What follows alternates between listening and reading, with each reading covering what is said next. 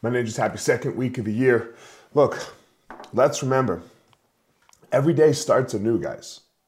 Right? Every day you you you have this opportunity to, to make a new choice, regardless of whatever happened the day before.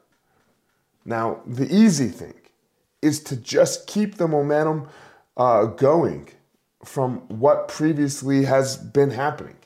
Now, and I use that word momentum on purpose because, yeah, it's either momentum in one direction or momentum in the in the in a negative in a the other direction. It's momentum in the positive or momentum in the negative. And a lot of times, what we do is is we get up and we go, "Huh, I feel tired," or "I feel whatever," you know, and then we base what we're going to do off of that that word, that word feeling. Let's base what we're going to do off of a different word. Let's base what we're going to do off of the word discipline.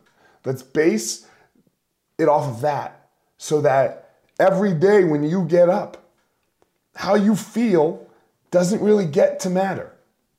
It, it doesn't get a say in, in how the day goes. All right, you're a little fucking tired. Have you never been tired before? All right, you're a little sad. Have you never been sad before? These things shouldn't stop you from getting what it is you want. And if you really want to know what the differences are between the people that are successful and the people that aren't, it's that right there. It's when they get up, they always choose discipline and they get to fucking work. And other people who aren't as successful, when they get up, they let their feelings make a choice. And that's it. Discover your passion, find your power. Go give your purpose to the world, my ninjas.